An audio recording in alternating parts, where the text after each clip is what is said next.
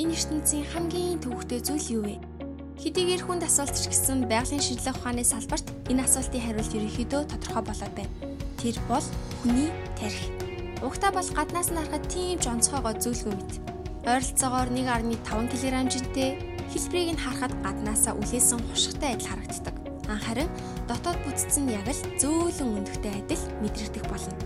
Гэхдээ түүний дотор бүхий л ертөнцийн хамгийн түүхтэй механизм явагдаж байгаа. 100 тэрбум мэдрэлийн эс нь оч мэд гялс хийж мөн тэдгэрийг тойрон хагас триллион холболтон бүрхсэн байдаг ба энэ нь Амазоны ширэнгэн ойн доторх бүхий л навчны тоотой бараг дүйцэн гэж төсөлтөө.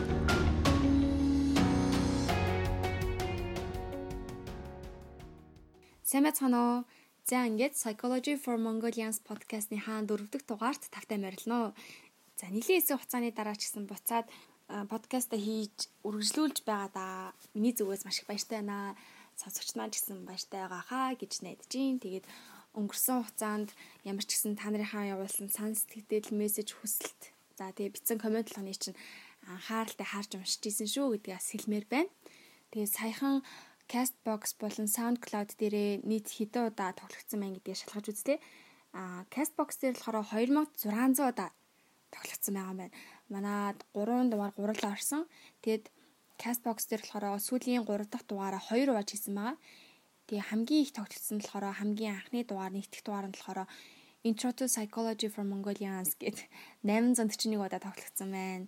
За ингээд ер нь бүгдээрээ 600-аас дээш тоглогдсон байгаа маань. Харин SoundCloud дээр болохоор нийтдээ 638 удаа тоглогдоод байгаа байна.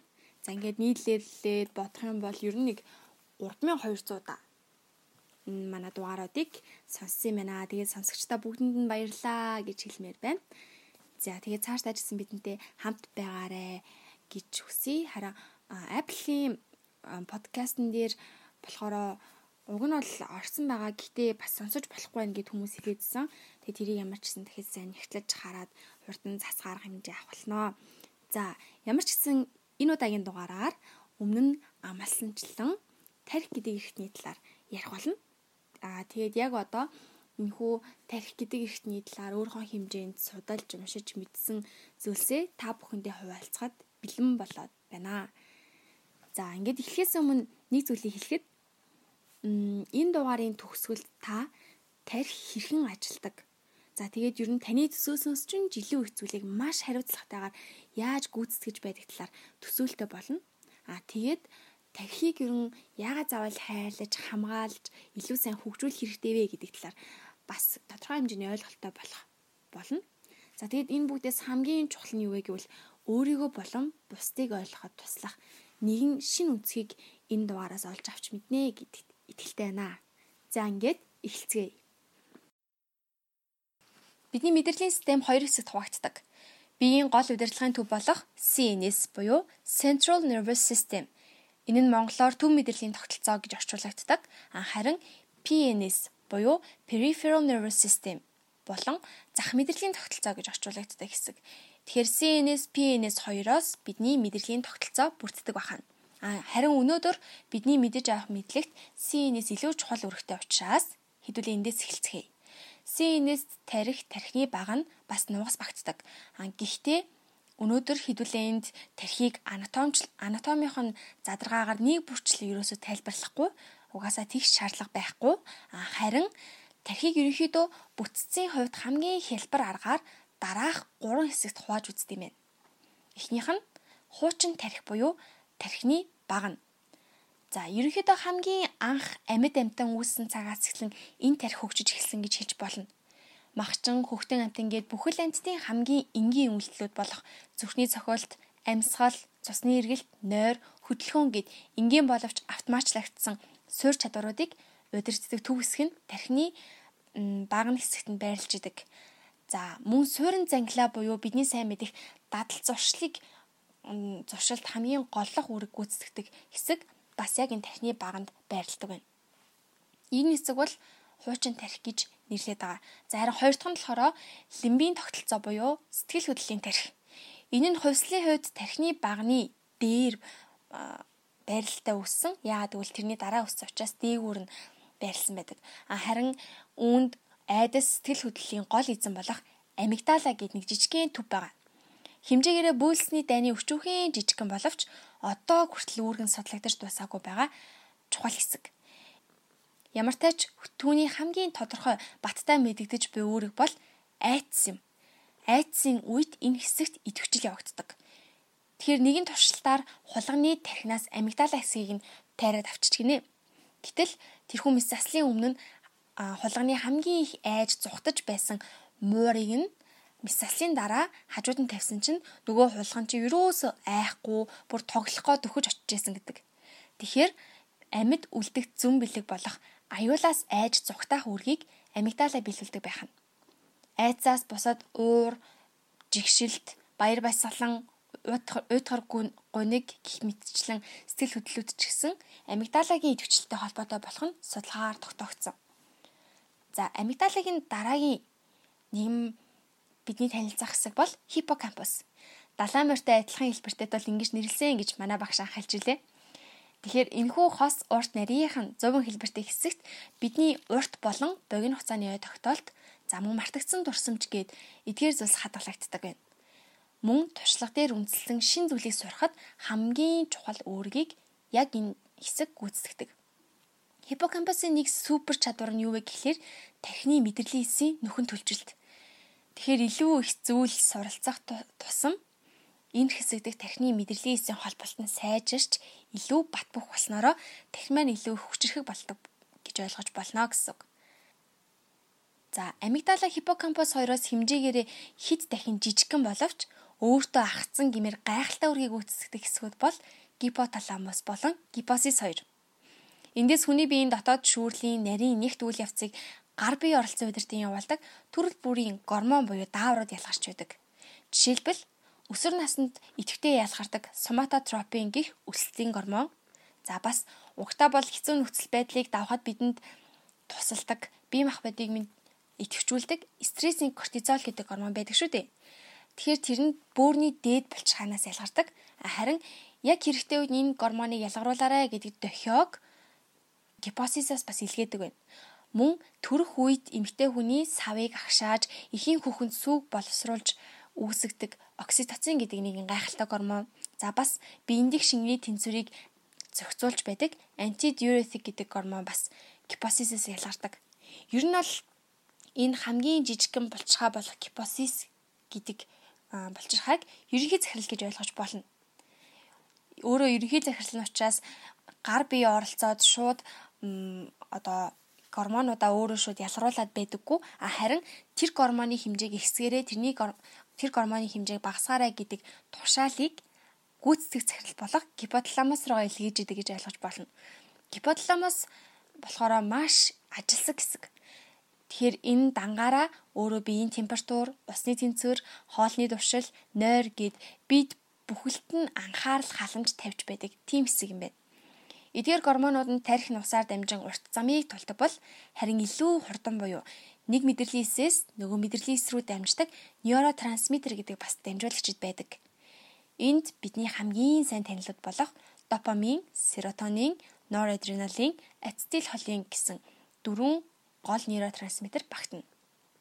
Допаминыг та аз жаргалтай үед ялгартай гэдгээр нь магадгүй мэдэх байх. Гэхдээ илүү оновчтой тайлбар нь ямар нэгэн зүйлээс бид сэтгэл ханамж авах үед энэ нейротрансмиттер ялгарч байдаг. Харин серотониныг та сэтгэл хөдлөлийг хариуцдаг гэдгээр нь тань серотонин ялгаралт хитрхи бага байх тусам сэтгэл готролд өртөх эрсдэлтэй гэдэг нь судалгаагаар тогтоогдсон.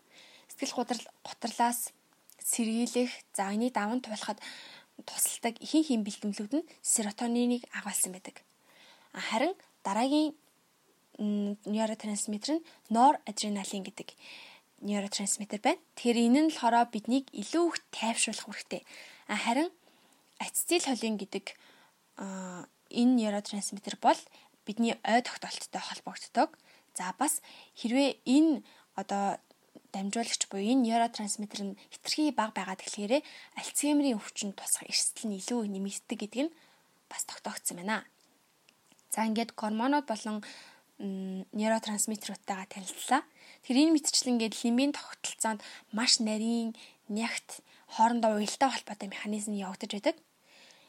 А энэ хүртэл дурдсан саяны хуучин тарих болон сэтгэл хөдлөлийн тарих гэдэг нь болохоор ихэнх сүүн тижилтэн болон зарим амьтанд баг зэрэг хоорондоо ялгаатай ч гэсэн ер нь бол бүгдэнд нь байдаг гэж болно. Өөрөөр хэлбэл дараагийн миний дурдах гэж байгаа тархины хэсэг хэрвээ байхгүй байсан бол хүмүүс бид ихэнх амьтдтай адилхан ер нь бол амьд үлдэх инстинкт зүн бэлгтэй хөтлөгдөөд л сэтгэл хөдлөлөөрөө хариу үйлдэл үзүүлээл байж идэг тийм л нэг бусдтай адилхан арааданлаг амьтад байх байсан байж магадгүй. Гурав дахь буюу биднийг амтнаас ялгаж өгдөг тархины хэсэг бол неокортекс буюу тархины холцлог давхраг юм. Мэдээж хувьслын явцад хамгийн хожуу үүсч хөгжсөн тул өмнө хоёр дурдсан хоёр тархины дээгүүр нь буюу тархины хамгийн гадна талаар нь хучин байрладаг. Үндсэндээ дөрвөн хилтэн буюу англиар лобд хуваагддаг байна. Тэгэхээр энэ дөрвтэйгээ танилцъя. Хамгийн ихнийх нь frontal lobe буюу духны хилтэн нэрнээсээ ойлгомжтой байгаа бах тухны хэсэгт байрладаг. Энд бидний шүүн тунгаах чадвар, төлөвлөлт, шийдвэр гаргалт, шилэн сонгох чадвар, сэтгэл хөдлөл бодлоо удирдан хянах заман асуудлаа шийдвэрлэх гэх мэтчлэн сэтгэхүн хамгийн нарийн чухал төвөгтэй механизмд яг энэ хэсэгт явагддаг. Хэрвээ энэ хэсэг гимтэл юу болдог талаар тун утгагүй бид мэдцгийх болно. За мөн бидний бие хүний онцлог буюу зан араншин мөн оюун ухааны чадамж тархины духны хилтэнд хадгалагддаг байна. Дараагийнх нь буюу духны хилтэнгийн яг арт нь залгаа байрлах хэсэг бол зулаан хилт юм. Англиар parietal lobe гэж нэрлэдэг. Энд товчхондоо бол мэдрэхүүн гол механизм явагддаг. Харин түүний артлаас залган байрладаг тархины хамгийн арт байрлах дагдсны хилтэн буюу occipital lobe гэдэг нь харааны мэдээллийг хүлээн авч боловсруулах хэсэг гэж ойлгож болно. Үүний дараа дөрөв дэх буюу хамгийн том За ингээ хүний тархины хоёр хажуу талаар нь уртаашаа байрладаг temporal lobe буюу чамархан хэлтэн гэж байдаг. Энэ нь болохоор сонсгол болон хэл яриаг ойлгоход маш чухал үргийг гүйцэтгэдэг байна. Товчондоо бол биднийг амтнаас ялгаж өгдөг илүү нарийн зохион байгуулалттай механизмтай тархины гадраг хэсэг нь ийм дөрвөн хэсэгт хуваагддаг гэж ойлгож болно. Мэдээж энэ дуурдаагүй хөдөлгөөний төв болон харааны сонсголын мэдрэхүүн анхдагч төвүүд гэд зөндөө олон задрагаанууд байгаа. Гэхдээ энэ талаар та сонирхч ивэл тархины анатом үүргийн талаар өөрөө судлаад мэдэх боломжтой гэсэн. За цаашид яг энэ дугаараа үргэлжлүүлээд сонсоход дурддагдах зүйлсийг ойлгоход а бас ерөнхийдөө одоо яг одоо өөрийн чинь гавлын ясан дотор байгаа зүйл юу вэ гэдгийг ойлгоход туслах үднээс хамгийн гол заавал мэдсэн байх хэрэгтэй зүйлсийг л сая товчхон дурдсан энэ энэ юм шүү. За гаднаас нь харахад нэг л эргэтэн боловч дотроо ямар олон нарийн хэсэгтэй, бүтэц зүрхтэй олон чадруудыг хариуцдаг вэ гэх төсөөлтөй болсон гэж найдаж байна. Гэхдээ энд нэг анхаарах зүйл байна. Юу вэ гэхлээр тархин дотор өөр өөр хэсэг байрладаг. За тэгээд тэдгээр нь өөр өөрсдийн гэсэн тустай үүрэгтэй гэдгийг нь бид нар мэдсэн байна. Гэхдээ эдгээр нь хоорондоо ямар ч одоо тийм харилцаа холбоогүйгээр тус тустай ангиж ангид ажилдаг гэсэн үг юусоо биш. Ямар ч үед хоорондоо байнгын хамтын ажиллагаатай байдаг. Тэгвэл энийг нэг жишээнээр тайлбарлая. Зуны нэгэн өдөр та гадуур ганцаараа алхаж явж байна гэж төсөөлөөрэй. Гэтэл гинэт бороо шагаж эхэллээ. Энэ үед бидний нүдний мэдрэхүн хүлээн авах чиснүүд бороон тусал тусч буйг хараад дагцны эхлэн рүү уг мэдээллийг дамжуулдаг. Харин чихмэн ус туслах чимээг сонсон чамархан эхлэн рүү яаравчлан энэ мэдээ хүргэнэ. Харин хэрвээ бид нар гарынхаа алхахыг дэлгэх юм бол арьсан дээр бороон тусал мэдрэгдэж байгаа нь зулаан эхлэн рүү мэдрэхүүн төв рүү энэ мэдээлэл нь дамжиж тэр хэсэг идэвчин гэсэн үг. Харин хамгийн сүүлд духны хилтэн эдгээр мэдээлэлт анализ хийн ой тогтоолтод хадгалагдсан мэдээлэл дундаас шүүж боловсруулад аа энэ зүйл чинь бороо юм байна шүү дээ гэдгийг таних ба дараа нь ямар нэгэн зүйл хийхгүй бол удахгүй норох юм байна гэдгээ тооцоолдог гэсэн. Тэгээд гар болон нүдний булчинг хэрхэн хөдөлгөж шүхрээ хэрхэн дэлгэх вэ гэдгийг дараалал боловсруулад төлөвсний эцэст уг мэдээлэл нь тархины нугас руу мэдрэлийн эс хооронд гялсхийн дамжиж бид бороонд шалт морхоос өмнө шүхрээ дэлгэж амждаг байна. Энэ мэтчлэн бидний өдөр тутамдаа анзааралгүй хийдэг олон үйлдэл бүрийн цаана нь тархины хэсгүүд гайхалтай хурдан хамтарч цогцоор ажилладаг байх шүү дээ. Тэгвэл тархины үйл ажиллагаа энэ бүтцүүд нь ерөнхийдөө бүхэл хүмүүст ижил байдаг байна. А гэхдээ бид нар бүгд бие биенээсээ өөрийн гэсэн тусдаа онцлогтой байдаг. Өөрөөр хэлбэл бие хүний онцлог болох бодол, сэтгэл хөдлөл, итгэл үнэмшил гэдэг зүйлс биднийг өөр хоорондоо ялгаатай болоход хүргэдэг. Тэгвэл яг одоогийн таныг өөрийг чинь энэ хിവэр нь бүрдүүлэхэд тарих гэдэг эрхтэн яагаад хамгийн чухал үүрэг гүйцэтгэдэг вэ гэдгийг ойлгохын тулд хэдүүлээ нэгэн түүхийг хамтдаа сонсцгоё.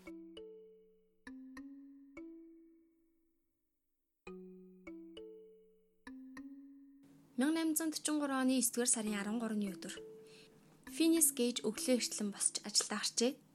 Тэр бол тэсэлгээний мэрэгчлэн. Хожим түүнийг Rutland Railroad компани хамгийн ажилсаг чадварлаг ажилтан байсан хэмээн дурсдаг байж. Түүний ажил нь төмөр замын шин шугам барихад чулуу ихтэй газрыг тэгшлэх байлаа. Гейж шинээр өрөмцсөн нүхэнд тэсэлгээний бодис утас хэмэгцээ туслах ажилчиндаа нүрхийг элсээр дүрхийг даалгав гээж нүхэндх тэсэлгээний бодисон дээр хийсэн байх учиртай элсийг дагташуулахын тулд 2 м гар урттай төмөр тувын гартаа авав. Яг энэ агшинд арт нь зогсох хин нэгэн түүнээс юм асууж таарахад гээж эргэн харж түүнтэй ганц нэг үг солонгоо датсан зангаараа төмөр тувинг нөхрөө хийчихлээ. Туслах нь нүхийг илсээр дүргэж хараахан амжаагүй тэр анзаарсангүй. Гээж ярианда автан чулуун дунд гялалцах очинд төмөр төвөн гараа санамсаргүй хурчгөв. Яг энэ агшинд тэсэлгээний бодис дэлбэрхэн тэр. Төмөр төвөн гейжийн зүүн хацрыг цоо хатгаж тархийг нь нүхлэн гавлын ясыг нь нэгт цөмлөн гарав. Цус тархины идээр нялж будагдсан төмрийн төвөн 30-аад метрийн цаана тасгийн унлаа. Гейж газар тэрийн хөвтөн. Жингүүдийн халуун наран дээрээс төнөн Төмөр замын ажилчид айж балмагцсандаа яахаач мэдэхгүй тагшгүй. Түүн рүү зөрчлөн очисон хідэн бүр гайхаж өрхжээ. Учир нь Финис амьд үлдсэн байлаа. Хэдийгээр гавлыг нэвт нөхөлсөн шархнаас нь цус зогсолтгүй садран урсагч тэрээр бусдаа ослын талаар тайлбар өгөхтэйгөө байв. Ажилчид түүнийг босгон үхэр тэргээр километр гаруй зайтай байрлах зочид бодолд хүргэв. Гээж замын турш суугаагаараа явж бүр үхэр тэрэгнээс хинийж тусалцаагүйгээр бууж байхыг нь хараад төмөр замын ажилчид мэл гайхсан гэдэг. Тэрээр дотогш орон сандал дээр суугаад эмчийг хүлээж байв. Харин эмч ирэхэд "За эмч минь, танд ч хийх ажил их л байна да" гэсэн гэдэг. Хэдэн сар үргэлжилсэн эмчилгээний дараагаар түүний бие хийхэн дээртжээ. Гэвч найзууд нь түүнийг өмнөх гейж биш болжээ гэцгээж байв. Хэдий тэрээр зүүн үдээ мис заслаар ахуулсан ч бусдаар өмнөшгөөл алхаж ярьж чадаж байлаа. Түүний хөдөлгөөн мэдрэхүй ой тогтоолт хэл яриа нь хэвэн байсан боловч зан ааш нь эрс өөрчлөгдсөн байв. Ослын өмнөх гээж нам уухан ярьдаг, ээлдэг, найрсаг нэгэн байсан бол аимшигт ослын дараагаар тэрээр бүдүүлэг, ууртай, түрэмгийн нэгэн болж хувирсан байлаа. Финиас Америкас нүүж эмч судалгааны багийнхнаас холбоогоо бүр мөсөн таслан Ослоос 12 жилийн дараагаар 36 настайдаа нас барсан байдаг.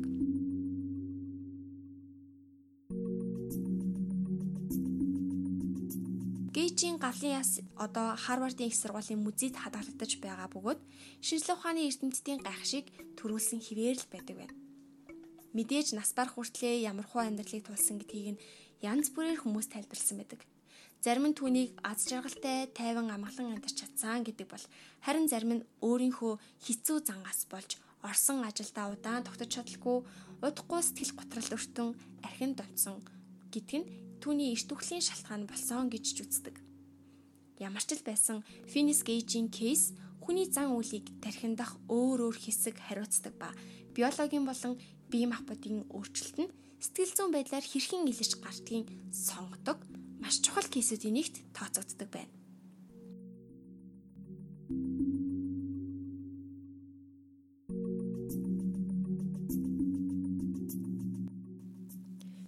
Гейжийг нас барсны дараа түүний гавлын ясыг маш олон эрдэмтэд олон жилийн турш судалсан байдаг. Үүний ачаар түүний тухны элтэнгийн гол хэсэг болох вентромедиал хэсэг нь тэрчгтээ маш ноцтой гэмтсний улмаас Финисийн бие хүний онцлог зан арашинд нь тийм эрс өөрчлөлт гарсан юм байна гэдгийг нь тогтоосон байна. Подкастын эхэнд дурдж байсанчлан frontal lobe буюу духны хэлтэн нь бидний бие хүний онцлог, зан араншинд хүртэл хамгийн чухал нөлөө гүйцэтгэдэг гэдгийг бид энэ кейснээс мэдэж авлаа.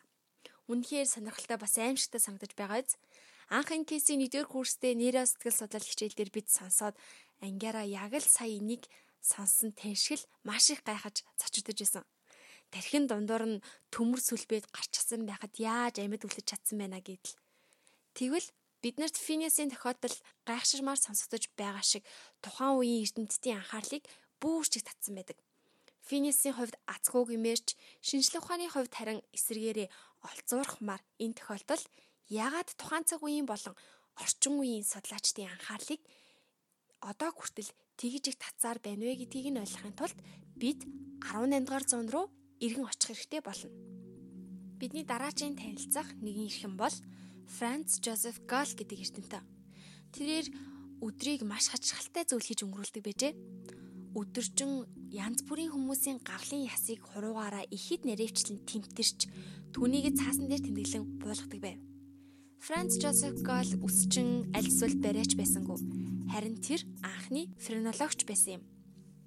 1800-аад оны эхийн үед Англид тархийг сонирхон судалж тархины талаарх янз бүрийн таамаглал санааг дэвшүүлэх эрдэмтэд ихссэн байдаг. Эндээс френолог буюу хүний гавлын ясны хэлбэрээр нь тухайн хүнийг хэр ухаантай, ямар зан ааштай, юунд дуртай вэ гэх зэрэг би хүний онцлогийг мэдэх боломжтой гэж тооцож үздэг салбар үүсч хөгцсөн байдаг ба тухайн үедээ нэлээд нэрд гарсан байна. Олон эрдэмтэд янз бүрийн бүр солиотой гэмээр санаа гаргаж байсан ч Галлийн энэхүү санаа нь тухайн үеийн Английн дээдсийн хүрээлэнгийнхний анхаарлыг ихэд татсан байдаг. Учир нь юу вэ гэхлээр түүний үзлэр бол язгууртан гаралтай хүмүүсийн гавлын ясны хэлбэр хэмжээ нь бусад хүмүүсээсээ төрөлхийн өөр байдаг учраас тэд илүү ухаантай цэцэн мэрэгэн байдаг аж. Харин эсэргээрээ өнгөт арьстай болон ядуусын гавлын яс нь хэлбэр хэмжээ нь угаасаа ухаан муутайгийн илрэл болж байдаг гэж үздэг тийм салбар байсан байна. Тийм учраас френолог нь өдгөө түүхэнд шинжлэх ухааны ялгуурлан гадуурхалтын үе хэмээн тэмдэглэгдсэн байдаг. Гал тухайн үедээ энэ үзэл санаагаараа баячуудын дэмжлэгтэйгээр нилээд чинэлэг болж чадсан байдаг ч тун удалгүй түүний энэхүү үзэл санаа нь ямар ч үндслэлгүй баримт нотлохоо судалгаа шинжилгээ хомсдол итгэх боломжгүй хэмээгдэх болсон юм. Өнөөдөр бид френолог бол псевдосайенс байсан гэдгийг мэдэх тул одоо цагт гавлын ясны хэлбэрээрээ шүмжлүүлэхийг хинч хүсэхгүй нь мэдээж.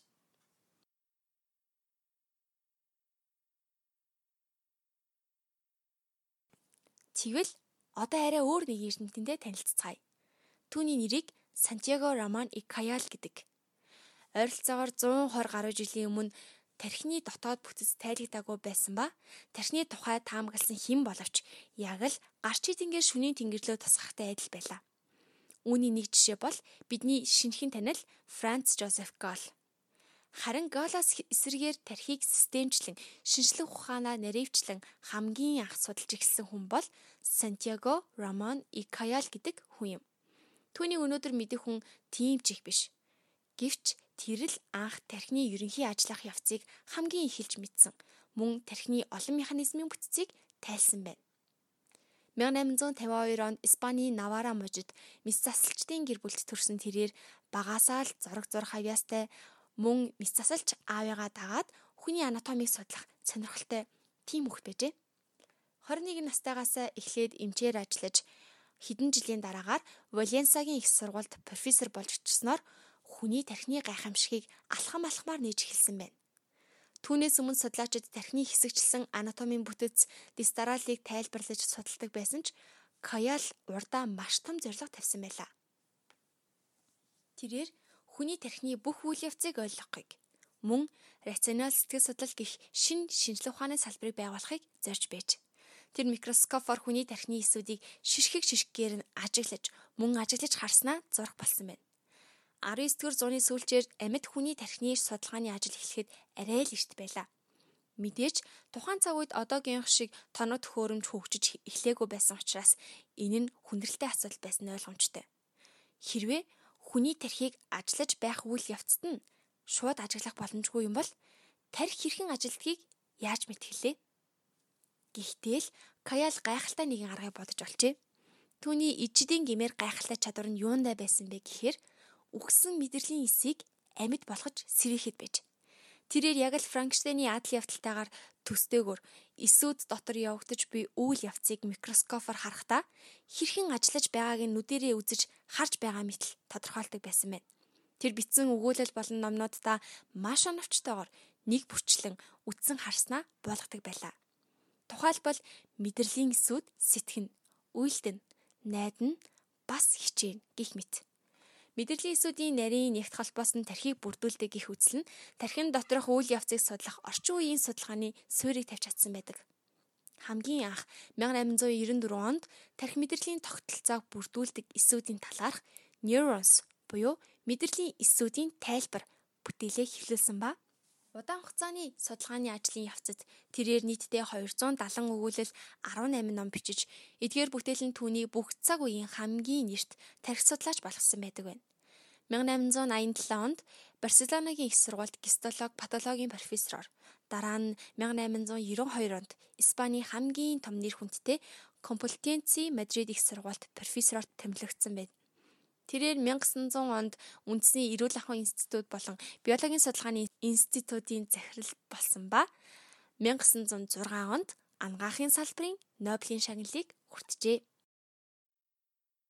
Өнөөдөр түүний үзэл санаанаас салбарлсан сэтгэл судлалын шинжилгээ ухаанд хүний сэтгэл хөдлөл, хэл яриа, сэтгэхүйн үйл ажиллагаа нь тухай бүрийг хариуцдаг тархины хэсгийг онцгойлон сонирхон судалдаг neuroscience хандлага үүсч хөгжөөд байгаа юм танин мэдхүүн буюу когнитив сэтгэл судлалтай адил нейросайенс хандлага орчин үеийн судалгааны чухал сэдэв болсоор байна.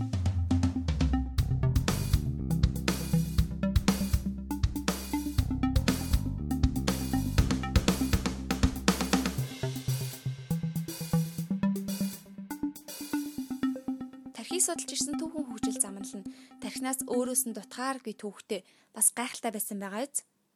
Тэгвэл өнөөдөр орчин үед та тархиа хөгжүүлэх, нууц хүч чадлыг нээх, бүр шин төвшөнд аваачих гэх мэт сэдвийн яриа, илтгэл, хувь хүний хөгжлийн номнуудтай хаа сагвид тааралдаг болсон гэдгийг анзаарсан уу? Одоо ч тархины үйл ажиллагаа зарим хэсгийн үүргийг бүрэн таньж амжаагүй байгаа ба дэлхийн өнцөг болон бүрт асар их судалгаа шинжилгээ үргэлжилсээр л байна. Гэтэл бидний зарим хэсэг нь тархины тухай хитрхи энгийн яг л бүгдлийг нэг нэгэнгүү мэддэг эвлүүлдэг шоу хийтэй дээр нь бүр гойч чимэглэн хэтрүүлэн ярьсаар л байна. Тэгвэл тэдгээр яриа нь хэр үнэн болохыг хамтдаа шалгацгаая. 1. Бид тархиныхаа зөвхөн 10%ийг л ашигладаг. Ихэнх хилтгэгчид алдартнууд бидэнд одоо байгаагасаа илүү байх боломжгүй. Хүний оюун ухаан илүү агуу зүйлсийг бүтээх хүч чадалтай гэдэг санаа хүргэхийн тулд энэ сэтгэл хөдлөлгөм үгсийг давтах дуртай байдаг. Мөн олон нийтийн 3.2 нь болон шинжилгээ ухааны багш нарын бараг тал гаруй хувь нь энэхүү тархины 10%-ийн чадварын талаарх зурхлыг үнэн гэдэгт итгэдэг байна. Гэтэл судлаачид хүний хамгийн энгийн үйлдэлүүд болох алхах, ярих, бүр бидний идэвхгүй байдаг гэж нэрлэдэг шүнийн цагаар нойрсох үед ч тархины бараг бүхий л хэсгүүд идэвчж байдгийг тархины цахилгаан бичлэгийн тусламжтайгаар судлан тогтоосон байдаг байна. 1890 онд Америкийн сэтгэл судлалын эцэг гэгддэг Вильям Джеймс хэлэхдээ бидний ихэнх нь сэтгцэнхийн боломжит нөөц бололцоонд хүрч чаддаггүй гэсэн байдаг. Джеймс энэ үгийг сорил гэдэг утгаар хэлсэн болохоос тархины идэвхжлийн талаар хэлээгүй нь мэдээж. Хэр үнэхээр л энэхүү 10%-ийн талаарх сурхал үнэн байсан бол ямар байх байсан болоо. Тархины тэрхүү хэсгийн 10%-ийн хэсэг нь л ажиллагаатай байвал бусад 90% орчмыг эзлэх хэсгүүдэд нь ямар нэгэн гэмтэл гарваас тухайн хүнд тийм жигсүрэн нөлөөлөлгүй байх байсан биз? Харамсалтай нь тархины өчүүхэн жижиг хэсгийн гэмтэл өөрчлөлтүүдч танин мэдгүй, сэтгэхүйн зан үйлд аюултай хор хөнөөлтөй байдаг учраас алдарт 10%-ийн чадамжийн талаарх яриа нь шинжлэх ухаанч бус худалд сурхал болж таархна. Энэ талаар дараа нь иш татан ярьж буй хин нэгийг сонсохдоо Phineas Gage-ийн жишээг санаарай. Түүний имчилгээний тэмдэглэлд бичиж үлдээснээр галын яснаас нь жижигхэн цайны аяхтай хэмжээгээрээ дүүцгэц тархиных нь хэсэг алга болж хоосон болсон гэдгийг нь эмчин бичиж үлдээсэн байдаг. Хэдий жижиг их тодтголтой ч түүнд ямар эрс өөрчлөлт гарсныг бид мэддэг болсон шүү дээ. Хоёр дахь нь баруун зүүн тархины талаарх цурхлууд. Тэгэхээр Хүний тарих мэдээж баруун зүүн хоёр хэсэгт хуваагдсан бөмбөлгүүдээс бүрддэг. Гэхдээ энэ бүтцээс нь үүдэн хамгийн өргөн тарсан буруу ойлголт үүссэн байна. Энэ нь баруун тархины үйл ажиллагаанд давмгайлсан хүмүүс бүтээл сэтгэлгээтэй, урлагийн авьяастай. Харин зүүн талын тархины үйл ажиллагаанд давмгайлсан хүмүүсийн логик, аналитик сэтгэлгээ нь илүү хөгжсөн байдаг гэж үздэг байна. Тэгвэл энэ ойлголт нь мөн л хангалттай шинжлэх ухаанч үндэслэлгүй хөөргөнд эвэрхсэн цуурхал юм. Яагаад гэж вэ? Тархины неокортекс буюу гаднах давхарх нь гаднаасаа харахад хоёр хэсэгт хуваагдсан байдаг ба үнэн дээр дотоод хэсгүүд болох амигдала, таламус, гипоталамус тархины баг нь хүртэл баруун зүүн талаараа өөр өөр үргийг гүйцэтгэж байдаг. Тархины баруун зүүн талууд нь хөдөлгөөн, харааны хувьд ялгаатай үрэг гүйцэтгэх нь үнэн юм. Жишээлбэл бидний баруун тархи биеийн зүүн хэсгийн хөдөлгөөнийг анхааран зүүн тархи маань бидний биеийн баруун талын хөдөлгөөнийг хариуцдаг А мөн харааны чадварын хувьд бол энэ бүр жилэг төвхтэй. Бидний хоёр нүд тус бүртээ баруун зүүн талыг харах зориулттай хэсгүүдтэй байдаг ба бидний хоёр нүдний зүүн талыг харах хэсгүүд нь баруун тархинд анхааран баруун талыг харах хэсгүүд нь зүүн тархинд байрлах дагцны хилтэнтэй холбогддог байна. Тэгэхээр бид аливаа зүйлийг бүхлээр нь харан таних тулд тархины хоёр талаа зэрэг ашигладаг гэсэн үг байх нь. Судлаачид хүний энэхүү хоёр талын ялгаатай үйл ажиллагааг хувьслын явцад амьд гарахын тулд тархины үйл ажиллагаа ийхүү өөрчлөгдсөн гэж таамагладаг. Гэхдээ энэхүү ялгаатай байдал нь бүтээлч болон логик сэтгэлгээтэй тийм ч хэлбэр шууд холбогдохгүй юм. Энэхүү баруун зүүн тархины ялгаатай сэтгэлгээний талаар хамгийн анх 1800-аад оны дунд үед хийгдсэн нээлт болох Брока болон Верника гих хоёр эрдэмтдийн тархин дах хил ярианы ялгаатай төвүүдийн талаарх судалгаанаас үүссэн байдаг. Тэд Ослоос үүдэн бусдтай харилцах чадвараа алдсан хүний тархийг судалснараа зүүн талын чамархан хилтэн гимтсэн гэдгийг тогтоосон байна. Үүнээсээ үүдэн зүүн тархи нь хүний хэл ярианы чадварыг дангаараа хариуцдаг байхаа хэмээн таамаглаж байв. Гэтэл энэхүү таамаглалыг Роберт Луис Стивенсон гэдэг зохиолч логик сэтгэлгээтэй зүүн талын тархи болон сэтгэл хөдлөлттэй баруун талын тархины санааг гаргаж хоёр дөрүүдээр төлөөлүүлэн зохиолтой буулгасан байна. Тэр цагаас л эхлэн хүмүүс баруун зүүн тархины сэтгэлгээний чадварын ялгаатай байдлын талаар шуугиж хэлсэн байдаг. Гэвч түүнээс хойш судлаачид нэг талын тархины хэсгийг гимтэж идэвхгүй болсон. А мөн тархины хоёр талыг нь хооронд нь холбосон хэсэг болох корпус каллосум хэсэг нь байхгүй болсон хүчнүүдийг судалж үзэхэд тэд логик болон бүтээлч төрлийн зан үйлийг ялгаагүй л адилхан харуулсан байдаг байна. Сүүлийн судалгаануудад тархины өөрөөр талууд зарим нэг чадварын хувьд ялгаатай ажиглагддгийг тогтоосон. Жишээлбэл зүүн талын тархинд хэл яриаг хариуцсан төв нь баруун талынхаасаа илүү идэвхтэй ажилладаг бол альва зүйлд анхаарлаа төвлөрүүлэх, нэгээс нөгөөд анхаарлаа шилжүүлэх үед бидний баруун талын тархи илүү идэвхтэй ажилладаг байна. Гэхдээ энэ нь тархины бүтэц тогтолцооноос шалтгаалах болохоос биш тухайн хүнээс тийм ч хамааралтай биш юм тархины аль нэг тал нь нөгөөгөөс угаасаа илүү давмгаа ажилладаг хүмүүс гэж байхгүй. А мөн логик болон бүтээл сэтгэхүйг тархины баруун зүүн талуудаар ялхан зааглах ойлголт гэдг нь өөрөө хангалттай шинжлэх ухааны баримт үндэслэлгүй ойлголт юм. Тэр бүхэл бүтээлч болон логик сэтгэлгээг тусдаа гэж ялгаж эсэргүүцэх санаа ч гэсэн өөрөө алдаатай болох нь. Тухайлбал математикийн маш хэцүү бодлогыг бодоход тухайн хүнээс бүтээл сэтгэлгээ шаарддаг. А мөн хамгийн гайхалтай урлагийн бүтээлүүлэлт ч гэсэн нарийн дараалттай логик тооцооллын тусламжтайгаар бүтсэн байдаг шүү дээ. Бүхэл бүтээлч болон логик үйл ажиллагаанууд нь тархины цогц нэгдсэн үйл ажиллагааг шаардаж байдаг. Тэгэхээр баруун зүүн тархи сэтгэлгээний чадвараар ялах нь интроверт болон экстраверт хэв шинжийг хооронд нь эсрэгцүүлэн харьцууллагатай адил туйширсан ойлголт гэдгийг бид мэдлээ. Ер нь хүмүүс бид яагаад юм болгоныг хувааж талцуулах дуртай байдаг юм болоо? Энэ нь бидэнд сонирхолтой байдаг учраас уу эсвэл бизнес эрхлэгчдэд ашигтай учраас юм болов?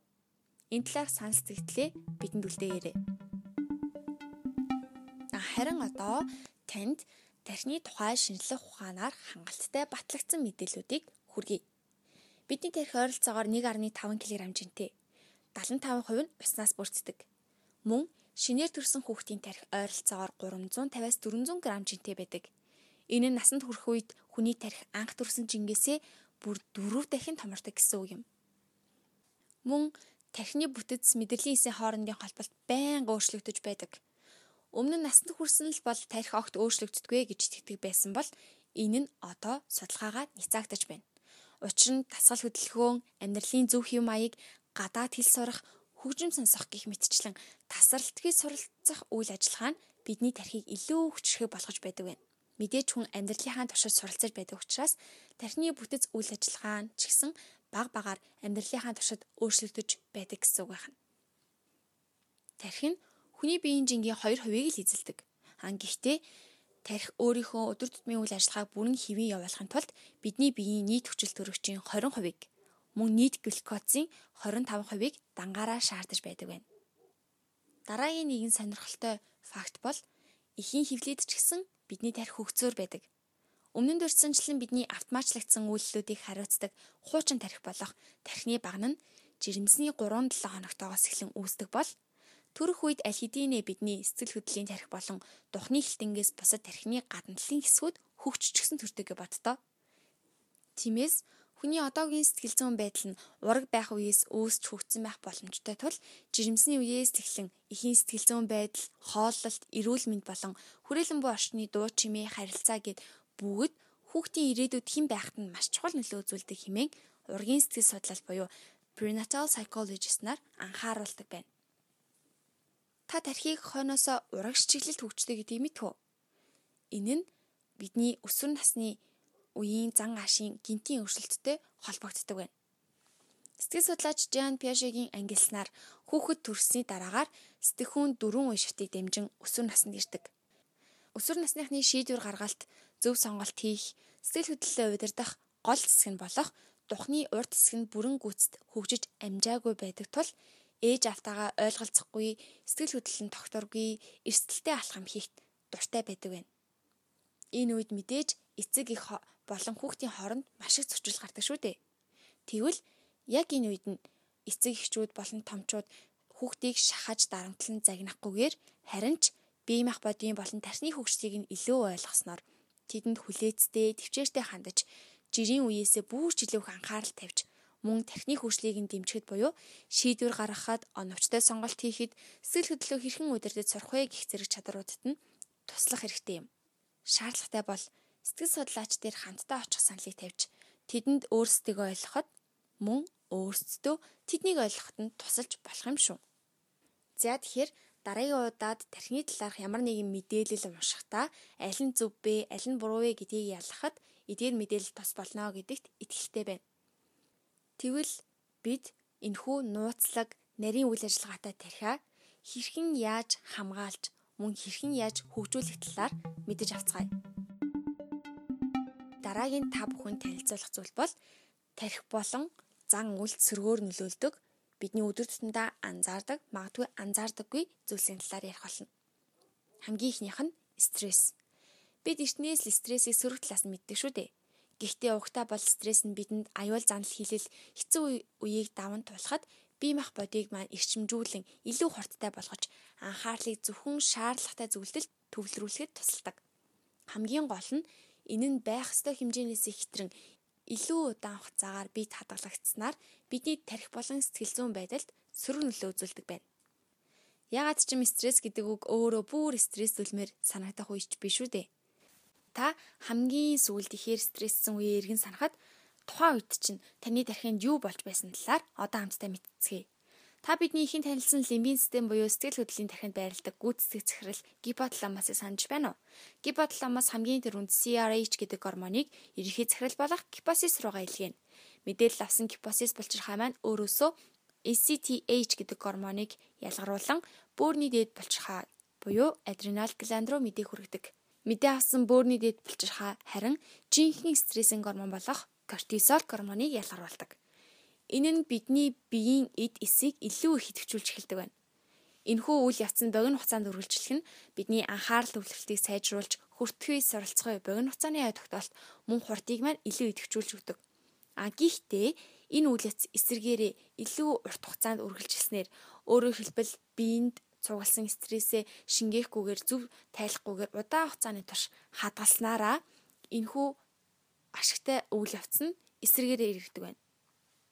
Ялангуяа хүүхдийг хит их стресстүүлэх нь тэдний тарих сэтгцийн эрүүл мэнд болон насанд хүрэх үеийн ирээдүйн хөгжил нь маш сөрөг нөлөө үзүүлдэг байхan шүү. Тиймээс бид өөрсдөө стрессээ биедээ удаан хадгалж тээлгүй зөвөр тайлцвардаг байх хэрэгтэй. Мөн нэмээд бусад хүмүүс ч гэсэн стресс үүсэхгүй байж ялангуяа бага насны хүүхдүүдтэй бүрч зөвөр ээлдэг харилцах хэрэгтэй гэдгийг сайн санаж авцгаая. Дараагийн дөр дах зүйл бол арх сатууруулах ундаа.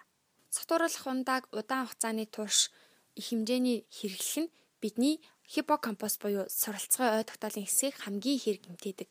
Мөн архин донцноороо цаашлаад сэтгэл готролд өртөх магадлал нь нэмэгддэг байна.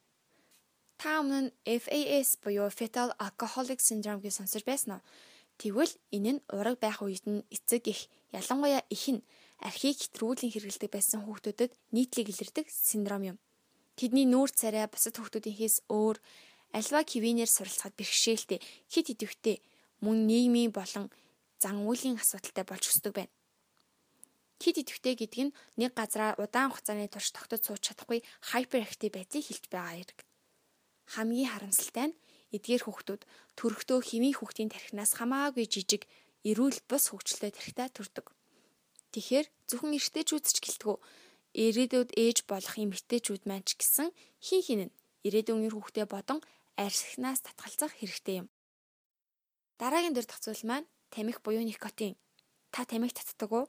Аль эсвэл таны эргэн тойронд тамхи татдаг хэдэн хүн байдаг вэ? Тамхин дагуулгадах неоникотиноидс гэдэг бодисыг зүйгээ алхахад ашигладаг байна. Өмнө нь та тамхины хор хөнөөлийн талаар бишүүдээ л сонсож харж байсан байх. Тиймээс энэ удаад хүмүүс тамхинд яагаад амархан донтдог, мөн тамхинаас гарахад яагаад хэцүү байдаг талаар өгүүлэхээр шийдлээ. Юуны өмнө бидний хуучин танил допаминыг энд иргэн санах хэрэгтэй болно. Аливаа зүйлээ сэтгэл ханамжийг мэдрэх үед энэ нейротрансмиттер ялгардаг гэдгийг та санаж байгаа байх. Тэгвэл энэ бодис ялгарахдаа тархины багнаас Тухны уртлалын хэсэг хүртэл хагас тойрог хэлбэртэй замыг туулдаг ба үүнийг тархинд дах шагналын тойрог гэж өөрөөр нэрлэдэг. Ямар ч үед допамин ялгарсан яг энэ замаар дамжин мэдрэлээсээс мэдрэлийн хооронд мэдээлэл нь дамждаг байх нь. Нейрон буюу мэдрэлийн эсэнд мэдээлэл ирэхэд түүнийг рецептор буюу хүлээн авах жижигхэн хэсгүүд дендритийн үзүүрт суурилсан байдаг. Рецепторуудыг сорвол гэж төсөөлцгөөе. Тэгвэл уг шагналын тойргийн хэсгийн сорволууд нь допаминыг л зөвхөн сорж өөртөө оруулдаг байна гэж ойлгоё. Өөрөөр хэлбэл хэвийн үед буюу тэмцээнд ялах, хүснээ хийж дуусгах, хин нэгнээс урмын үгийг сонсох үед шагналын замын мэдрэлийн эс нь цөөн тооны хүлээн авахчаар дамжин допамин маань нэвтэрч орон явсаар бид сэтгэл хангалуун мэдрэмжийг мэдэрдэг байх нь. Гэвч хачирхалтай нь тамхи татхад никотины нөлөөлөл яг энэ замаар ижил явагддаг байна. Гэхдээ арай илүү хүчтэй. Тамхи татхад никотин уушигнаас биеийн бусад цэсрүү тархадаг. Биеэр дүүрэн тархсан тэрхүү никотин нь цусаар дамжин явсаар тархийг гэмтээхээс хамгаалах зориулттай бусад бодисуудыг шүүж нягтлж байж оруулдаг хэсэг болох тархи цуцсны хоригд хэсэгт ирдэг. Харамсалтай нь никотин бодис маань уг хоргийг маш чөлөөтэй даваад л тархи руу орчихдаг байна. Түүний дараа шагналын тойргийн замаар орж допамины замын мэдрэлийн эсийн хүлээн авахч сорууланд очоод тийшээгээд орох допамины хэсгийг бүгэлждэг. Яг энэ үед ялгарсан допамин хүлээн авахч соруулнууд руугаа орох гэтэл никотин бүгэлжсэн учраас хэсэгтэй л замын төгжил шиг бөөгнөрдөг байна. Энэ үед та тамхи татаад сэтгэл ханах, тайвшрах мэдрэмжийг мэдэрч эхэлнэ. Гэвч өнөөх орох газаргүй болж бөөгнөрсөн допаминыг оруулах сорвол буюу рецептор хэсгийг тухайн эс өөрөө удалгүй үүсгэж эхэлдэг. Цаашлаад никотин илүү олон сорволуудыг бөглөж бөөгнөрүүд буй допамин маань цааш дамжихын тулд бүрл олон сорволууд шинээр үүсдэг. Энэ нь шагналын тойрог буюу тархины багнаас духны уртлын хэсэг хүртэлх тойрог замын бүхэл хэсэнд давтагдаж явна. Ер нь бол нэг хэсэнд нэг сорвол байх ёстой гэж ботход тэр хэмжээгээрээ бага допамин орсноор бид хэвийн хэмжээнд сэтгэл ханамжийг мэдрэх ёстой байтал никотины уршгаар тамхи татсан хүн илүү их тайтгарал сэтгэл ханамжийг хийсвэрлэж мэдрэх болдог байна. Тэгвэл хамгийн хор уршигтай зүйл нь тамхи татаж дуусны дараа тархинд явагддаг. Никотины улмаас үүссэн өнөөх илүүдэл соруулууд маань удаан хугацаанд бүгд допамингүйгээр байж чадахгүй учраас зэрэг зэрэг допамина нэхэж эхэлдэг. Энэ нь тухайн хүнд дахин тамхи татах хүслийг тун удалгүй төрүүлдэг ба дахин илүү их сэтгэл ханамж тайтгаллын мэдрэмжийг авахын тулд тамхинд донтох гол шалтгаан нь болдог байна. Ууралсан үедээ ердөө ганц л удаа найзууд маань татдаг юм чинь туршаад үзье гэж ихэлсэн ганц л тамхи явсаар явсаар нэгэн л өдөр тутмын хэрэгцээний нэг хэсэг болдог гэдгийн тархиндах цаад нарийн механизм нь энэ юм. Бидний эрүүл хэвийн үйл ажиллагаатай бие мах бодод ингэж нөлөөлж байгаа юм чинь эрүүл мэнд сэтгэл зүйн байдалд маань ямар их сөргөн нөлөөлдөг вэ гэдг нь ойлгомжтой бизээ. Бидний тархийг илүү нацтай хүчтэй гэмтээдэг дараагийн зүйл бол мансууруулах бодис юм. Дэлхийд 269 сая гаруй хүн мансууруулах бодис хэрэглэж байгаагаас 11-с 21 сая нь судсаар хар тамхи хэрэглэгчэд ба тэдний 6.6 сая нь бэлгийн замын халдварт хүчин буюу дохын халдвартай амьдарч байдаг байна. Манай улс хар тамхи хэрэглэгчийн тоогоороо дэлхийд тэргүүлэгч хоёр улс болох Оросын албаны улс бүгд найрамдах хятад ард улс хоёрын дунд нь оршиж байгаа нь энэ эрсдлийг илүү нэмэгдүүлдэг. Монгол Улсын иргэд 2018 онд гэхэд л 197 гэмт хэрэгт 403 хүн холбогдож гэмтэргийн гарал нь бүр 75 хувиар өссөн байна. Харамсалтай нь цаашид ч гэсэн энэ тоо өсөх хандлагатай байгаа юм. Мансуурлах бодисын тархинд явагдах үйл ажиллагаа нь никотинтой адил допамины замаар явагддаг. Гэхдээ тамхи нь зөвхөн амьсгалын замаар буюу уушгаар тархадаг бол харин мансуурлах бодис нь илүү олон хэлбэрээр буюу судсаар, уушгаар, амаар гээд олон аргаар хэрэглэгдэн биед нэвтэрдэг. Тийм учраас үзүүлэх хор хөнөөл нь бүрч илүү ноцтой хүчтэй байдаг байна. Тэгэхээр энийг мэдрэлийн эсийн хүлэн авахч хэсгүүд буюу рецептор харин бидний сая төлөөлүүлж хэлсэнчлэн сорволтой холбоотойгоор тайлбарлая. Нэг мэдрэлийн эсээс нөгөө мэдрэлийн эс рүү мэдээлэл очихдоо тодорхой хэмжээний зайтай бие биентэй холбогддог. Тэрхүү замаар мэдээллийг дамжуулагч бодисууд буюу нейротрансмиттерүүд маань дамжиж дараагийн эслэл ордог. Гэтэл мансуурлах бодис хэрэгэлсэн хүний хувьд өмнө нь дурдсан допамины замаар маш их хэмжээний допамин ялгардаг байна. Тэгвэл никотинтой адилаар мансуурлах бодис нь тухайн мэдрэлийн эсийн хүлээн авагч сорволуудыг бүгдийг нь бүгэлж өгдөг. Никотины хувьд тэр даруй буцаад шин шин сорволууд үүсэж байсан бол харин мансуурлах бодисны хувьд арай өөрөөр ажилладаг мэдрэлийн эсээс ирж би илүү их допамин дараагийнхаа мэдрэлийн эсийн сорвол руу орж амжихгүй хоёр мэдрэлийн эсийн заагийн зайд байрладаг гэсэн үг. Ингиж удаан хугацааны турш хитрхи допамин ялгарснараа мансууруулах бодис хэрглэж байгаа хүн маань өөрөө мансуурсан мэдрэмжийг авдаг байна. Тийм учраас энэ үйл явц нь олон дахин давтагдах нь мэдрэлийн эсийн бүтцэд сөрөг нөлөөллийг үзүүлснээрээ цаашлаад мансуурлах бодисонд маш хэлбэрхэн донтож түнгүйгээр л бол амьдрахад хэцүү болох тийм мэдрэмжийг төрүүлдэг байх нь. Тархины мэдрэлийн эсийн бүтцэд хүртэл нөлөөлдөг учраас ой тогтоолт суралцсан төв хэсэг болсон хиппокампус болон хөдөлгөөнийг хариуцдаг суурин зангила мөн сэтгэхүйн гол өргөд явагдах тархины холцлог давхрах гээд олон олон хэсгүүдэд мансуурлах бодис ноцтой сөрөг нөлөөллийг үзүүлдэг байна. Тэгэхээр дараагийн ээлжид нэг асуултаа асууя. Та болон таны эргэн тойронд видео тоглоомонд донцсон хүмүүс хэр их байдаг вэ? 2018 оны 1 сард Дэлхийн эрүүл мэндийн байгууллага тоглоомын донтолтыг албан ёсоор өвчнөө ангилалд оруулсан байна. Өөрөөр хэлбэл тоглоомд донтох нь бидний сэтгцэд муугар нөлөөлж байна гэдгийг тогтоосон байна. Тэгэхээр энд нэгэн туршилтыг хуваалцъя. Судалгаанд оролцогч хүмүүсийг хоёр бүлэгт хуваажээ. Эхний бүлэгт нь 2-7 хоногийн турш хүчрхийлэлтэй, төрөмгийлэлтэй видео тоглоомыг тоглохыг зөвшөөрсөн байна. Анхааран нөгөө бүлэгт нь огт тоглоом тоглоулаагүй. Тэгээд туршилтын өмнө болон дараа нь хоёр бүлгийг тархины идэвхжлийг хардаг MRI багжаар шалган харьцуулахад 2-7 хоногийн турш видео тоглоом тоглосон хүмүүсийн өөрийн зан үйлээ удирдах сэтгэл хөдлөлөө удирдахад чухал өөрийг гүйцэтгэдэг тархины хэсгийн идэвхжил нь нөгөө бүлэгтэйгээр харьцуулахад илт буурсан байна. Тэгэхээр ялангуяа ихэнх зодон хүчирхийлэл төрөмгийлэлтэй тоглоомууд нь эрүүл бус амьдралын хэм маяг мөн нийгмийн эсрэг үйлчлүүд цаашлаа зан үйлийн болон сэтгэл хөдлөлөө сул хянах чадварт хүргэх эрсдэлтэй байдаг байх нь. Мэдээж дээр дурдсан сөрөг зуршил сонголтуудаас татгалцсанаар та өөрийгөө болон хайртай хүмүүсийнхээ сэтгцэн эрүүл мэндийг хамгаалж байгаа хэрэг юм шүү мөн хэрв эдгээр асуудал танд болон ойр дотны хүмүүс чинь тулгарсан бол мэрэгжлийн хүмүүс эмч нарт хандан тусламж аваарай гэж зөвлөмөр байна. За тэгэхээр хэдүүлээ баахан сөрөг зүйлс ярьчлаа. Гэхдээ хорцоочлоод болон сөрөг нөлөөллийг нь мэдснээрээ урдчлан сэргийлэх боломжтой болж байгаа учраас хэрэгтэй мэдээлэл байсан гэж найдаж байна. Одоо ерөнхийдөө энэ удаагийн дугаар маань дуусах тун төхөж байна. Эргээд нэг санахад би тархиныхаа талаар нилээдгүй ойлголттой боллоо. Тэгвэл энэхүү гайхалтай нарийн бүтцтэй тархиа хэрхэн хөгжүүлж хайрлан хамгаалах талаар зөвлөмжийг хүргэе. Тархи болон бидний зан үйлд юу юу эргээр нөлөөлдгийг хамтдаа мэдцгээе. Хамгийн эрхэм бөгөөд байнга санах хэрэгтэй зүйл бол эрүүл амьдралын хэм маяг юм. Товчхондоо унтах ёстой цагтаа сайн чанартай нойроо авч дасгал хөдөлгөөнийг идэвхтэй тогтмол хийх. Мөн жимс үнсийн ногоогоор баялаг эрүүл хоол хүнс хэрэглэж сайн ус ууж стрессээ зохицуулж сурна гэсэн үг. Тэгвэл эдгээрээс цөөн хөдийг нь тархинд хэрхэн нөлөөлөх талаар мэдэж авцгаая. Эхнийх нь хоол хүнс. Хоол бидний мэдрэлийн эсүүдийн холбоолт, сэтгэхүйн чадвар, сэтгэл хөдлөлийн байдалд үргэлж нөлөөлж байдаг. Тархинд хор очруулдаг бүтээгдэхүүнүүдийн нэрлэлээс хансан тос буюу шарсан зүйлс. Мөн хоолны төмөр болон хөнгөн цагаан цав суулганаас үүсэх илүүдэл төмөрлөг, усны хоолоогоор дамжих усыг цэвэршүүлэлгүй шууд хэрэглэснээс үүсэх илүүдэл зис гих мэт цааш үргэлжилнэ.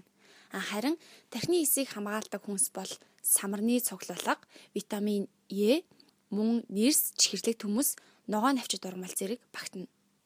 Бид ихэнхдээ сэргэхийн тулд кофе уудаг шүү дээ. Тэгвэл анхаарлаа төвлөрүүлж иш хүчээ нэмэгдүүлэхийн тулд илүү эрүүл хоолн сэргэлэх нь ач тустай байдаг байна. Жишээлбэл авокадо, борбуда, брокколи, ногоон цай, мөн алмонд, самар, ус зэрэг юм. Мэдээж хар шоколад үнд багтана. Дараагийн удаа илүү эрүүлээ сэргэхийн тулд эдгээр хүнсний сонгож хэрэглээрэй. Нэгэн сонирхолтой туршилтыг хуваалцъя л да. Энэхүү туршилт нь Британи улсын Food Hospital-аас хийгдсэн ба үдшилтэд ирсэн 5-9 настай хүүхдүүдийг хоёр бүлэгт хуваан өөр өөр хоол хүнс өгчээ. Эхний бүлэгт алим, луван, сэндвич санал болгон уух зүйлт нь харин ус өгсөн байна. Харин нөгөө бүлэгт нь үдшилтэд хэвчлэн байдаг хүнс болох чихэр, чипс, хийжүүлсэн ундаа гэх мэт өнгө, амт, үнэр оруулагч болон сахар хэмжээгээр авалсан бүтээгдэхүүнүүдийг өгсөн байна. Тэднийг үдшилхийн турш тоглоом тоглуулан өгч буй зааврыг хэр сайн дагаж байна, мөн мэдээллийг эргэн санаж байгаа чадвар, анхаарал төвлөрөлт зэргийг нь анхааралтай ажиглан хэмжиж авсан байдаг. Үр дүнд нь бүдүүлэг дээрлэхүү зан гаргасан тохиолдолд эхний эрүүл хүнс хэрэглэсэн бүлэгт 0, харин хоёр дахь буюу энгийн үдшилгээний хүнс хэрэглэсэн хүүхдүүдэд 69 удаа гарсан бол биеийн түрэмгийлэл буюу physical aggressive байдал нь эхний бүлэгт 8 удаа, харин хоёр дахь бүлэгт 63 удаа тохиолдсон байна. Hyperactive буюу хэд идэвхтэй байдал нь бидний хэлдгээр тогтвортой сууж чаддаггүй сахилгагүйцэн үйлдэл эрүүл хүнс хэрэгэлсэн бүлэгт 30 удаа илэрсэн бол чихэрлэг үдшлийн хүнсийг түлхүү хэрэгэлсэн бүлэгт 163 удаа гарсан байна. Нийтэд нь харьцуулбал сөрөг зан үйл гаргасан тохиолдол нь эхний бүлэгт 120 удаа байсан бол харин хоёр дахь бүлэгт 720 удаа байжээ. Тийм ээ тэгэхээр үнэхээр хит ичихэр хүнсний будаг агуулсан анттангууд нь хүүхдийн сэтгэл зүйн байдал зан үйлт нь шууд нөлөөлөл үзүүлдэг байх нь. Өөрийнхөө болон гэр бүлийнхээ сэтгцэн эрүүл мэнд сэтгэл зүйд анхаарай гэвэл идэж буй хоол хүнсэндээ ч гэсэн анхаарах хэрэгтэй байх нь. Дараагийн дурдах зүйл бол бясалгал юм. Үүнийг заавал шашинтай холбож ойлгох албагүй. Өнөөдөр бясалгал ихэнх оронд амьдралын хэв маяг зөв дадал твшилт тооцогдож энэ чиглэлийн олон судалгаа эмчилгээ явагцаар байна. Тэр бүхэл Apple, Google, Nike зэрэг томоохон байгууллагуудад ажилчдаа стрессээ зөв удирдан эрүүл байж илүү бүтээмжтэй ажиллуулахын тулд тэдэнд бясалгалын хөтөлбөрийг санал болгодог байна. Бид хаяа амьсгалж байгаагаа ч анзаарах завгүй явдаг шүү дээ. Тэгвэл ямар ч бясалгалын үндсэн техникийн нэг нь амьсгал юм гүнзгий зөвөр амьсгалах нь бидэнд маш ашиг тустай. Шаар төсөөлөн бодож амьсгалах дасгал нь хамгийн зөв амьсгалах техникийнийгт ордог. Энэ нь хамраараа удаан гүнзгий амьсгал авах үедээ өөрийн хөвлийн хэсгээ яг л шаар шиг агаараар дүүрч байна гэдгийг мэдрэх ба хэсэг хугацааны турш амьсгалаа тогтуун барьж байгаад буцаагаад зөөлхөн гаргах юм. Энэ үед таны хөвлий болон цээжний хэсэг дэх агаар гадагшлснаар эзлэхүүн нь буцаад багасж хэвэндээ орох юм.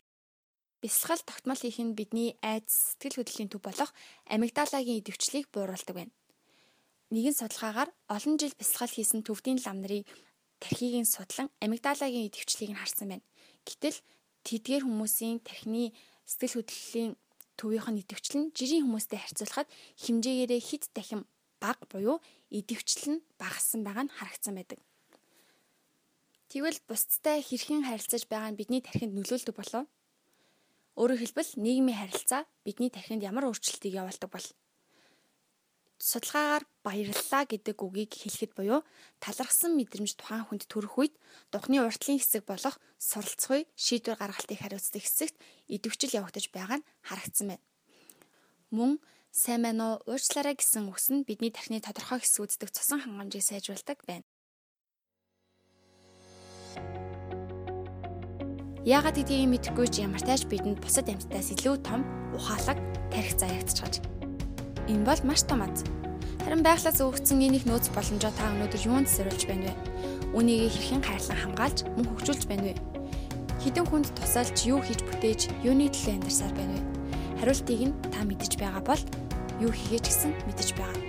Энгийн боловч жижигхэн зүйлсээс сэтгэл ханамжийг авч сур. Мөн сониуж байж тасралтгүй суралц. Боломжийнхоо хэрээр бусдад тусал. Ирүүл байж идэвхтэй амьдр. Хэрвээ хүсвэл бид үнийг бүгдээрээ л хийж чадна